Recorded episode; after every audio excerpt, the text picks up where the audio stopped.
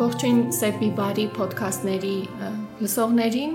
Այսօր Աննա Շահնազարյանը, ես եւ Հրակը Փափազյան։ Ողջույն Աննա։ Խոսելու ենք վերջին օրերին քաղաքական բավականին աղմուկ հանած իրադարձությունների եւ թեմաներից մեկի մասին հատկապես ծավալված Գագիկ Ծառուկյանի եւ նրա ձեռնարկատիրական գործունեության եւ դրա շուրջ տարբեր քաղաքական միավորներ միավորումների, ինչպես parlamentum ներկայացված կուսակցությունների, այնպես էլ չներկայացված կուսակցությունների գործընթացների, դիրքորոշումների հետ։ Հրակ կուզեի հրավիրել քեզ նախ ներկայացնես թե հիմնականում ինչ էր այս վերջին 2-3 շաբաթվա ընթացքում քննարկվում մասնավորապես կապված սոցիալ-դեմոկրատական կուսակցության դիմումի հետ ուղղված դատախազության, որ Գագիկ Ծառուկյանի մանդատ ունենալը հակասում է համանատրությանը, ինչպես նաև падգամավորների մասին օրենքին եւ ինչ ընթացք է ի վերջո դա ստացել եւ նաև վերլուծենք թե արդյոք այն քննարկումները, որոնք հիմա տարվում են, իրականում կարող են բիզնեսը տարանջատել քաղաքականությունից։ Շատ լավ անա, շնորհակալություն հարցի համար։ Ուրեմն վերջին օրերին, վերջ, վերջերս, ուրեմն Արարատ ցեմենտի հետ կապված, ավելի ճիշտ ցեմենտի շուկայի հետ կապված, ուրեմն քննարկումներ կային հասկային ժողովում եւ ուրեմն որոշում պիտի օրենսդրական փոփոխությունների հետ կապված, առաջարկների հետ կապված որոշում պիտի ընդունվեր մի խոսքով եւ այնտեղ ուրեմն Բարգավաճ Հայաստան գուսակցության խմբակցությունը գլխավորությամբ առաջնորդ Գագիկ Ծառուկյանի ուրեմն դեմ քվեարկեց, բայց մինչև դեմ քվեարկելը նաև ելույթներ հնչեցին, ընդ որում նաև ինքը Գագիկ Ծառուկյանը ելույթ ունեցավ եւ խնդիրը դրանում է որ ուղիղ շահերի փախում կա այստեղ, քանի որ ուրեմն ցեմենտի հետ կապված ուրեմն օրենսական փոփոխությունը ուղղակիորեն այս կամ այն կերպ աստելու է Գագիկ Ծառուկյան անցի բիզնեսմենի շահերի վրա, որովհետև ինքը մեծակյուն ցեմենտ ներգրող ուրեմն անհատն է, բիզնեսմենն է։ Եվ ուրեմն Արարատ ցեմենտի ուրեմն իր ուրեմն ցեմենտի գործարանի կամ ուրեմն ցերնարկատիրության մասին ինքը արեց հայտարարություններ ասկային ժողովի ամբիոնից, որոնք ենթադրել դվին կամ որոնք նշան էին, ասենք, ուղիղ շահերի փախումի եւ դրա հետ կապված ուրեմն սոցիալ-դեմոկրատական քո քաղաքացու որոշում գուսակցությունը ուրեմն դիմում ներկայացրեց, փողոք ներկայացրեց կամ ԱԺ նախագահ Արարատ Միրզոյանին նամակ հղեցին, բանջելով որ քննի այս հարցը, քանի որ էթիկայի նաև հանձնաժողով ստեղծի հատուկ որպեսի քննվի, նաև կարծես Գագիկ Ծառուկյանը մասնակցում էր ցույցերի, որոնք իբր վարում էին, մղում էին ցեմենտի գործանի աշխատողները, բայց էլի նա ֆիզիկապես ներկա էր այդ ցույցերին եւ ոնց որ մասնակցում էր իրենց անունից էր նաեւ հանդես գալիս, այսինքն իսկապես այդ խնդիր կար տարանջատելու արդյոք ինքը ներկայացնում է այդ Արարատ ցեմենտ գործարանը թե ինչպես ինքը պնդում է որ չի չի չի ներկայացնում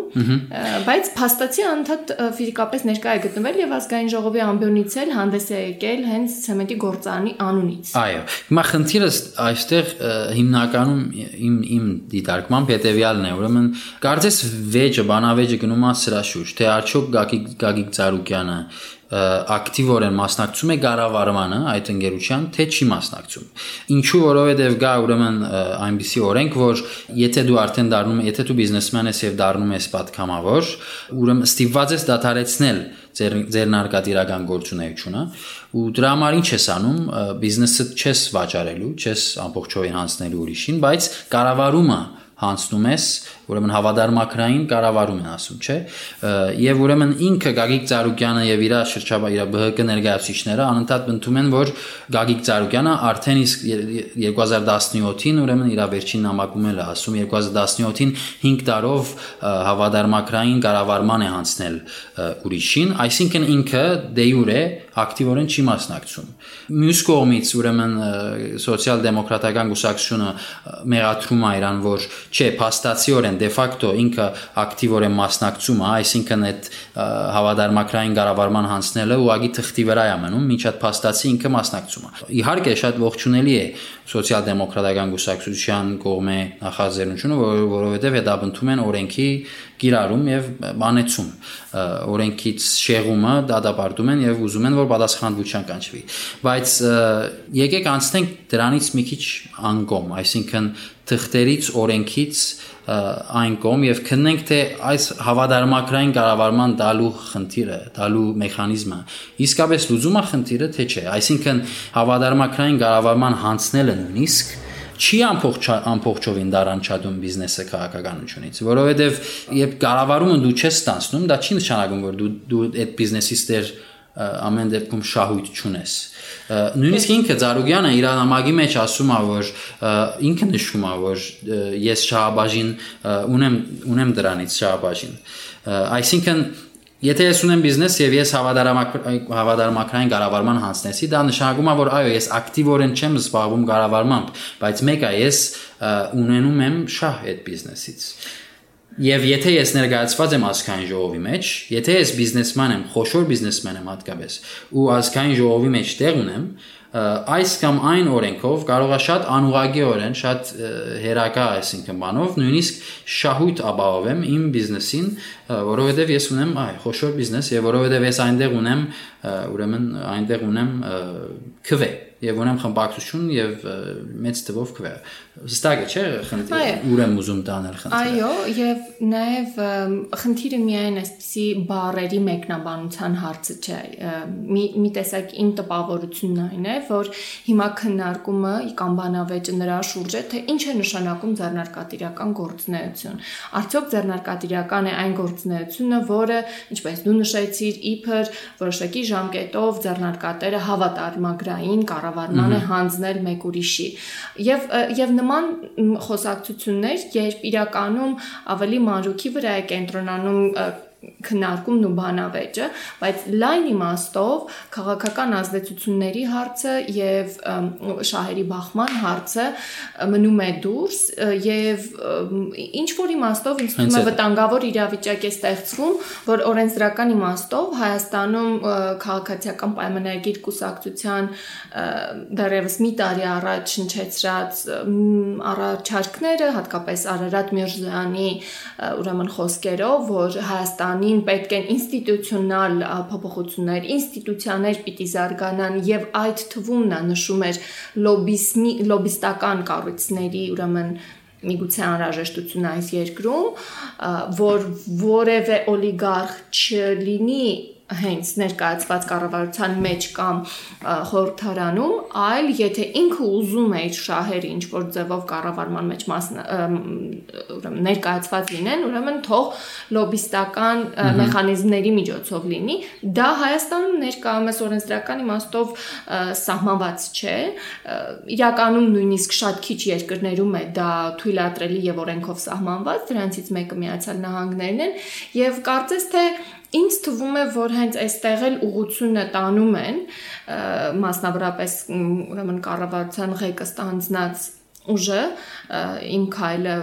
խմբակցությունը parlamentum եւ նրանց ներկայացրած կառավարման ուրեմն կառավարության անդամները Սա է, որ ես կուզեի նաև քննարկենք, որովհետև նույնիսկ եթե ընդունենք, որ այս պահին վայր է դնելու իր մանդատը Գագիկ Ծառուկյանը, որևէ ձևով իրեն չի խանգարում, իրեն փոխարինողի միջոցով parlamentum իր շահերը ուրեմն առաջ տանել նույնիսկ եթե ամբողջությամբ ԲՀԿ-ն դուրս գա ուրեմն parlamento-ից Հայաստանում չկան այնպիսի հնարավորություններ, որոնք թույլ են տալիս տնտեսական ազդեցությունը որևէ ձևով պաշտոնյաների եւ նրանց որոշումների կայացման վրա մեղմել կամ կանխարգելել ի սկզբանե այսինքն եթե դա կաշառք չէ ուրեմն չգիտեմ շահերի պաշտպանությունը հենց լոբիստական իմաստով կամ մեծ նվիրատվություններ են կուսակցություններին։ Ի վերջո, կուսակցությունների մասին օրենքի լուրջ խնդիր կա եւ զուտ փողի խնդիր կա։ Փողը ո՞նց է օգտագործվում, նվիրատվությունները ինչ ձևով են արվում, ինչ չափով են արվում եւ ինչ նպատակ ունեն։ Մի բան, որը վաղուց ամերիկյան քաղաքական համակարգին դրել է լուրջ ճգնաժամի առջև։ Եվ կուզեի մի քիչ դրա մասին խոսենք։ Ինչ է նշանակում լոբիստական մեխանիզմ, որ เป զի տնտեսվարողները, բիզնեսները կարողանան իրենց շահերը պաշտպանել կառավարման մեջ։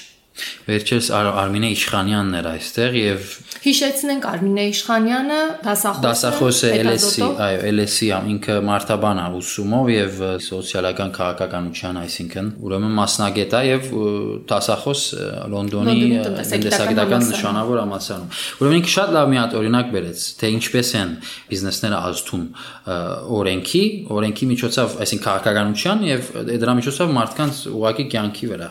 Ամերիկայում վերջին դարիներին կամ դասնամյակներին նույնիսկ բանդերը սկսել են սեպա,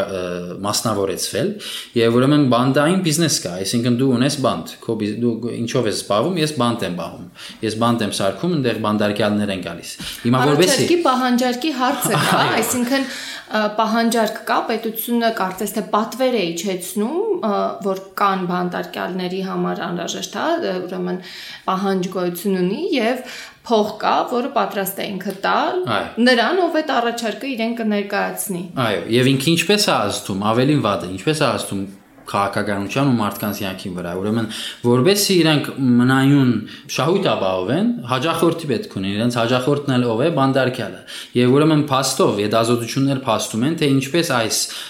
բանդային ընկերությունները, ասենք, բանդային բիզնեսով զբաղողները հանուն հadoop փոփոխությունների այնպիսի լոբինգ են անում, որբեսի օրենքները այնպես փոխվեն, որ ավելի հեշտ լինի մարդկանց բանդ ուղարկելը եւ երկարաժամկետ առումով բանդ ուղարկելը։ Այսինքն, դա եթե դու նախ նախապես այսինչ արարքը կատարելու համար այսքան դարիով բանդարգություն էր ստանում հիմա ավելի իրանք այնպես են անում որ ավելի նվազ ձանր հանցակործություն անելու դեպքում ավելի երկար ուրեմն որովհետեւ մշտական հաջախորդ ապահովեն եւ սա փաստացի եղած է այսինքն փաստացի այսօր շատ ավելի հեշտ է փանդ գնալ ու փանդում երկար մնալ քան թե էր այդ օրենսդրական փոփոխություններից առաջ եւ այդ օրենսդրական փոփոխությունները եղել են այդ նույն փանդային ուրեմն բիզնեսի մղում մղումով աճակցությամբ օրինակ խորհրդարանի անդամների նյութական, քարոզչական իրենց կամպեյններին, իրենց քարոզարշավներին նպաստելով փոխարենը հետո ստանալով այդ իրենց առաջ գսած օրինակցի ուրեմն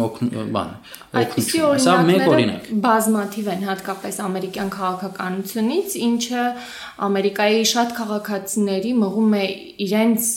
երկիրը եւ իրենց քաղաքական համակարգը քննադատել եւ անվանել դա ոչ թե ժողովրդավարություն, դեմոկրատիա, այլ կորպորատոկրատիա, այսինքն մի երկիր, որը կառավարում են փաստացի կորպորացիաները եւ այստեղ բանտային մասնավոր ընկերությունները որպես կորպորացիաներ կարող ենք օրինակ բերել նավթային ընկերություններին որպես օրինակ կարող ենք բերել զենքի ընկերություններ հիշում ենք հատկապես Ամերիկայի դեպքում ամենացայտուն խնդրեմներից է ուրեմն զենքի կրելու թույլտվությունը, որի պատճառով անընդհատ ուրեմն երեխաներ են սպանվում։ Այո, զենքի հասանելիությունը շատ բարձր է, որի պատճառով շատ շատ-շատ են massական զանգվածային ուրեմն այդ սպանության դեպքերը եւ ինչու չի կարողանում հանրությունը ուրեմն օրենսդրական կարգավորումների միջոցով հասնել նրան, որ զենքի հասանելիությունը գոնե նվազի, այն պատճառով է, որ շատ ուժեղ են զենքի կորպորացիաների եւ մասնավորապես այնտեղ կա National Rifle Association ազգային հրացանակիրների ասոցիացիա, որը պարզապես ուղղակիորեն ֆինանսավորում է բազմաթիվ եւ կուսակցությունների եւ առանձին падգամավորների եւ սա է խնդիրը, որ ամերիկյան քաղաքականության մեջ մասնավորապես ուրեմն քարոզար նախընտրական քարոզարշավների եւ կուսակցությունների ֆինանսավորման հետ կապված կա ուղղակի չափազանց անհամաչափ կարգավորում տեղական ինքնակառավարման մակարդակի մեջ ես գիտեմ որ ուրեմն քաղաքային ավականիների, հա, այսպես ասած քաղաքային ներկայացուցչական մարմինների անդամության համար քարոզարշավում չի թույլատրվում 1 հոգուց վերցնել ավելի քան 500 դոլար նվիրատվությունն է։ Մարզային, այսինքն նահանգային մակարդակով չի թույլատրվում ավելին քան 2000-ն է։ Եվ դրանք հստակ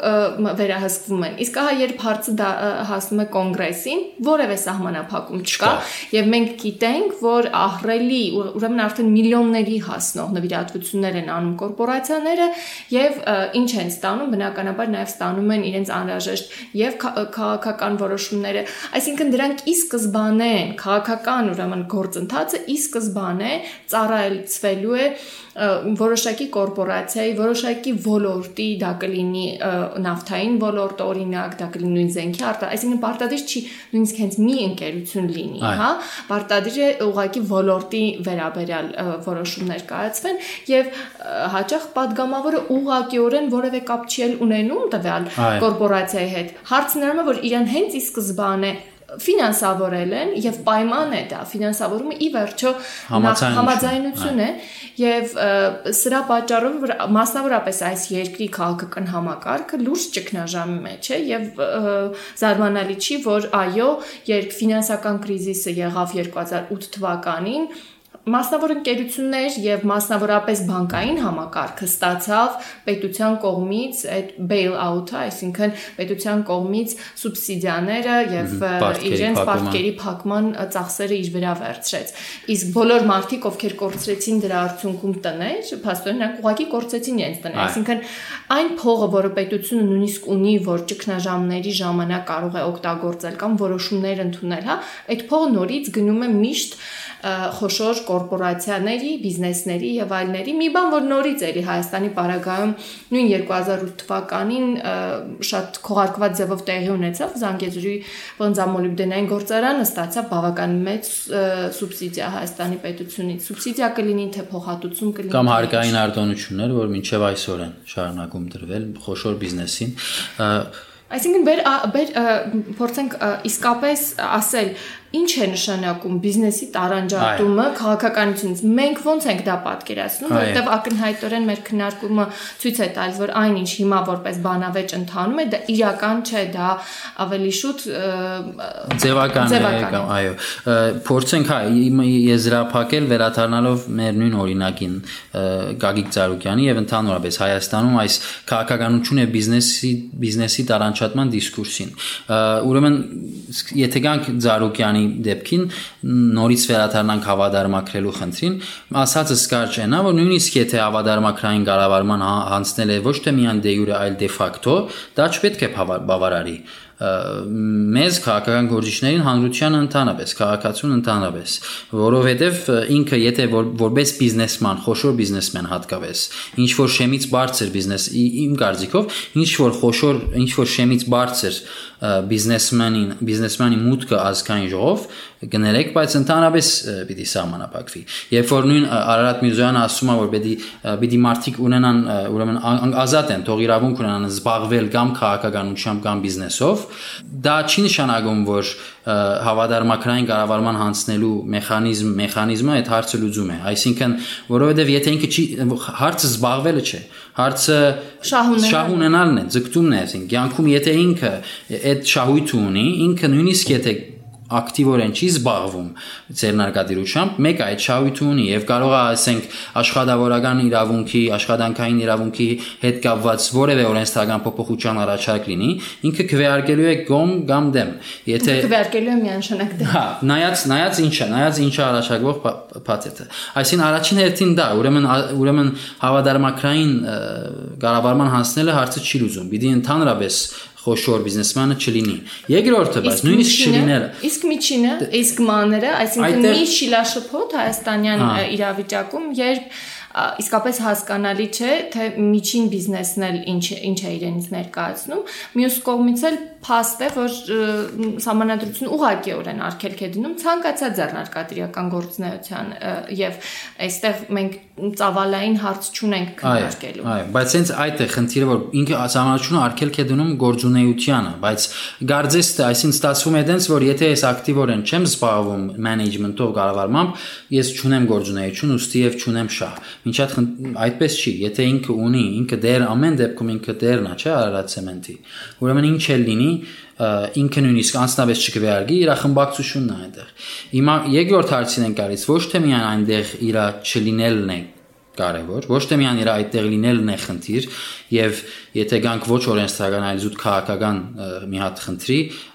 արդեն իսկ հեղափոխության հրճակած ուրեմն նպատակներին հարված էր նույնինքն ուրեմն ԲՀԿ-ի այդ քայքայման համարյա քայքայման օրերին Նիկոլ Փաշինյանի ու Ծառուկյանի համացայնության գալը կամ համացայնագիր կնքելը, որը հետո ուղակի կամ անուղագիորեն հասցրեց ԲՀԿ-ի ԱԺ-ում դարձյալ լինելուն։ Ամի թողենք սա մի կողմ։ Երկրորդ խնդիրը այդ է, որ նույնիսկ եթե այդ բիզնեսմենները իրենք չլինեն ֆիզիկապես այնտեղ, էլի հարցը չի լուծվում, որովհետև էլի իրենք ներկայացնում են մեծ ուժ եւ այդ լոբիստական խնդիրը կա։ Եվ այստեղ իսկապես մտահոգիչ է։ Հիմա էլի եմ ասում, իհարկե ողջունելի է որ ներկա կառավարող ուժը ուզում է ձևականորեն առնվազն ուրեմն դարանչադել բիզնեսը քաղաքականությունից բայց մտահոգիչ է այն փաստը որ Արարատ Միրզոյանը դեռ նոր երբ որ փոխվարչավետ էր դարձել գիշեմ ազատության իր առաջին գարձեն որպես փոխվարչավետ առաջին արծազրույցն էր ազատություն ռադիոկայանին այդտեղ ինքը ուղիղ տեքստով ասել էր որ բիզնեսմենները չպետք է ԱԺ-ում նստեն թող գնան բիզնեսով զբաղվեն եւ թող կարան իրենց լոբինգ անեն այնպես որ կարծես ուրեմն եւ վերջ Կարծես ուրեմն եւ ամեն հարց բոլոր հարցը լուծված կլինի ու մենք դրա այդ խնդիր չունենք։ Այսինքն այստեղ կա ինչ որ կարծես գիտակցության բագաս, որ մեկը նույնիսկ եթե ինքը ԱԺ-ից դուրս է, ինքը կարող է ազդել քաղաքականության վրա։ Եվ դա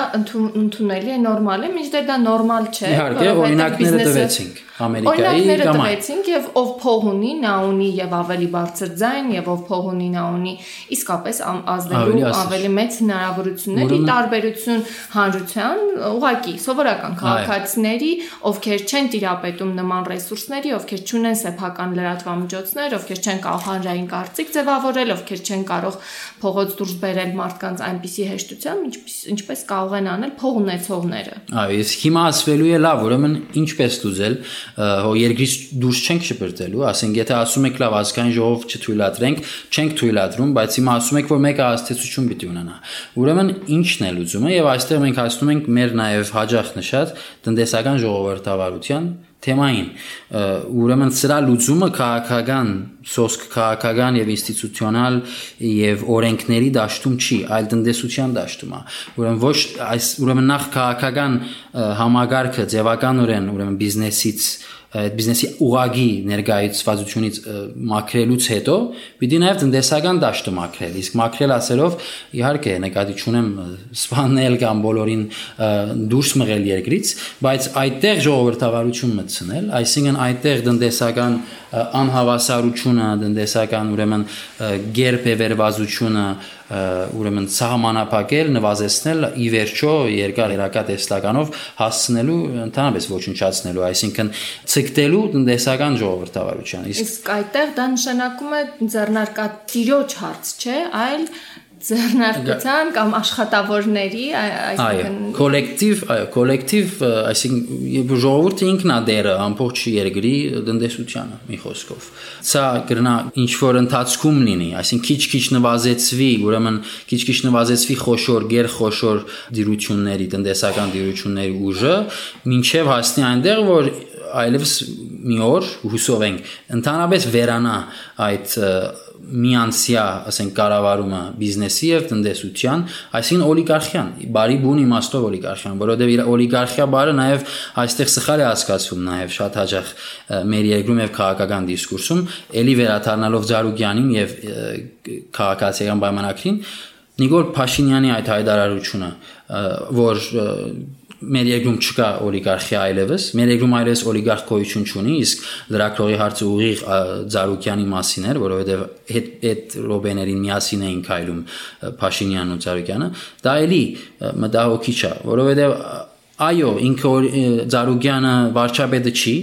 կամ Սերժ Սարգսյանը չի, ով ուղագի բիզնեսներ ունի, բայց դա չի նշանակում, որ Զարուգյանը օլիգարխ չի, չի նշանակում նաև, որ դերևս նույն ինքն Սերժ Սարգսյանը օլիգարխ չի, որովհետև տնտեսական հարաբերությունների ճաշտում իրանք մնում են այդ քիչ իշխողներից եւ հասնում ենք նույն խնդրին, ինչեւ այնադեն ինչ ինչքան ժամանակ որ տնտեսական դաշտում չկա ժողովրդավարություն, քաղաքական ժողովրդավարությունը մնում է խոցելի եւ վերաշրջելի։ Շատ լավ, տնտեսական ժողովրդավարության մասին կարիք ունենք անընդհատ խոսելու, անընդհատ նաև բացատրելու եւ ինքներս մեզ համար նաև այդ սահմանումները հստակեցնելու Շնորհակալություն Սև Բիբարը լսողներին։ Ուզում եմ հիշեցնել, որ Սև Բիբարը podcast է, որը հնարավոր է նաև հեռախոսներով լսել։ Android համակարգի հեռախոսներ ունեցողները կարող են Google Market-ից ներբեռնել podcast ծրագիրը եւ դրա մեջ որոնում տալ Save Bibar եւ արդեն անմիջապես դուք կունենաք մեր հաղորդաշարը ձեր հեռախոսի մեջ։ Շնորհակալություն մեզ լսելու համար, հետևեք մեզ նաեւ Facebook-ում Save Bibar-ով եւ Medium հարթակում։ Շնորհակալություն։ Շնորհակալություն։